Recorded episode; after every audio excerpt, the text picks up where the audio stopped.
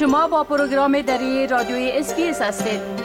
گزارشات عالی را در sbs.com.au دری پیدا کنید. شنوندگان محترم و حال همکار ما آقای سام انوری در مورد نتایج جام جهانی فوتبال در قطر گزارش میدن. آقای سام انوری سلام خدمت شما. خوب اگر در آغاز لطف بکنین و بگوین که در بازی نهایی چی نکته های عمده در جام جهانی فوتبال وجود داشت؟ با سلام به شما و شنوندگان عزیز. خب جام جهانی فوتبال 2022 روز یک شنبه به وقت قطر و دوشنبه به وقت استرالیا با قهرمانی آرژانتین خاتمه یافت.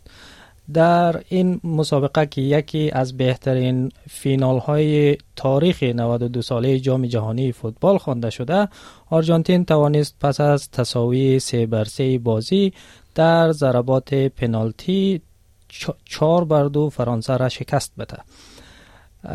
خب در این بازی چهار نکته عمده وجود داشت که نکته اولش بود که همین بحثی که بر سر بهترین بازیکن تاریخ فوتبال وجود داره تقریبا حل شد.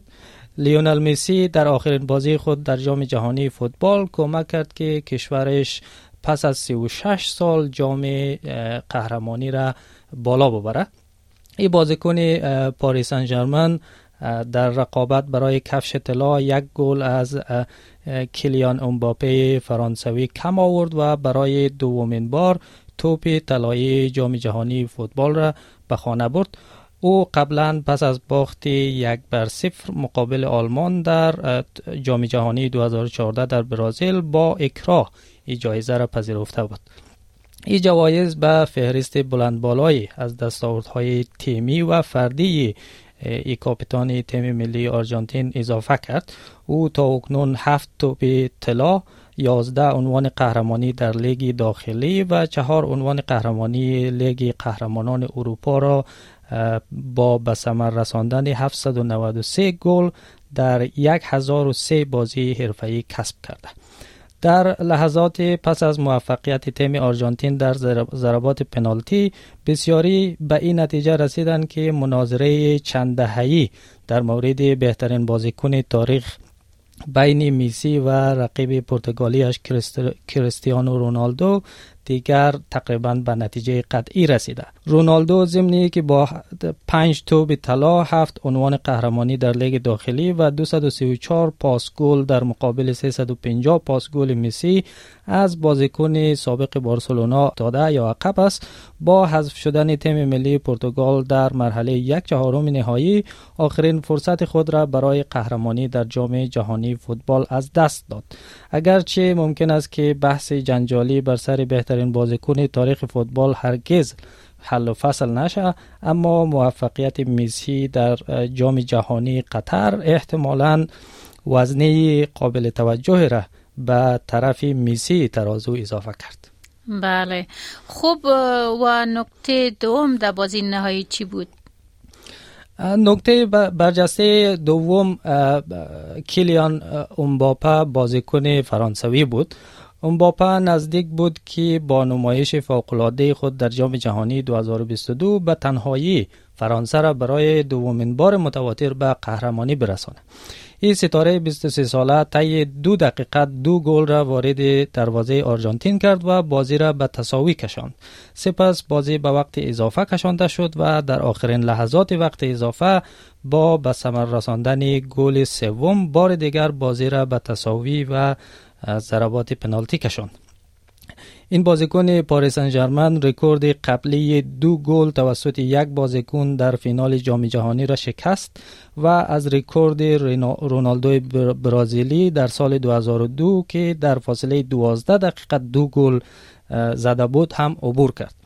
اما این گل سوم او بود که او را به نقطه عطف دیگری در تاریخ فوتبال رساند. او پس از جف هرست انگلیسی در سال 1966 دومین بازیکن تاریخ فوتبال است که در فینال جام جهانی هتریک کرده.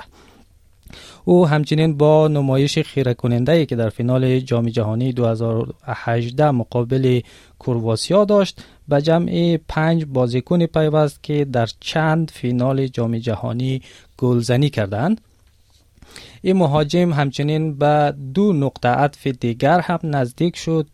او حالا فقط یک گل از رکورد 13 گل ژوست فونتن در تیم ملی فرانسه فاصله داره و به رکورد 16 گل کلوزه در 24 بازی جام جهانی هم نزدیک شده. او در حال حاضر در 13 بازی خود در جام جهانی 12 گل را به ثمر رسانده. بله بسیار تشکر آقای انوری. خوب در آغاز شما گفتین که چهار نکته عمده در بازی نهایی وجود داشت. در مورد نکات اول و دوم معلومات دادین. اگر لطف بکنین بگوین که نکات عمده سوم و چهارم چی بود؟ بله نکته سوم میشه قهرمانی های دروازبان تیم ملی آرژانتین را گفت اگرچه امیلیانو مارتینز دروازبان تیم ملی آرژانتین با رقابت سختی برای دریافت بهترین جایزه دروازبان جام جهانی 2022 در قطر روبرو بود که از جمله می توانیم به دومینیک لیواکوویچ دروازبان کرواسیا اشاره کنیم. اما توانست که با جلوگیری از یک گل در دقایق پایانی وقت پایانی وقت اضافه برد دست جایزه دستکش طلایی را قطعی کنه. برد مارتینز در این رده باعث شد تا آرژانتین در مراسم اعطای جوایز تقریبا حضور انحصاری داشته باشد در جمع برندگان چهار جایزه اصلی مسابقات تنها امباپه غیر آرژانتینی بود. در کنار مارتینز و میسی که برای دومین بار برنده توپ طلای جام جهانی فوتبال می‌شد انزو فرناندز هم جایزه بهترین بازیکن جوان مسابقات را به خانه برد. او در بازی دوم گروه سی مقابل مکزیکو گل تعیین کننده را به ثمر رسانده بود و در نهایت آرژانتین با نتیجه دو بر صفر بر مکزیکو برنده شده بود. نکته برجسته دیگری بازی های دیدیا دشان سرمربی تیم ملی فرانسه بودند که نزدیک بود این کشور را برای دومین بار به قهرمانی برسانه دشان که تیمش دو گل از آرژانتین عقب بود در دقیقه چهل و یکم دو بازیکن جوان را وارد میدان کرد که باعث شد که خط حمله فرانسه به طور قابل توجهی تقویت شود. او هم همچنین در دقیقه 71 بازی بار دیگر با تعویض دو بازیکن دیگر به تیم خود قوت دوباره بخشید. با وجودی که مردان دشان یا تیم دشان نتوانستند قهرمانی جام جهانی را حفظ کنند اما او نشان داد که چرا در سه جام جهانی متواتر ای تیم را به جام جهانی رهبری کرده. بله بسیار زیاد تشکر از شما آقای سامنوری لطف کردین. روز خوش برتان می‌خواهیم تشکر از شما. خدا نگهدار. می خواهید این گونه گزارش ها را بیشتر بشنوید؟ با این گزارشات از طریق Apple Podcast، Google Podcast، Spotify و یا هر جایی که پادکاستتان را می گیرید گوش دهید.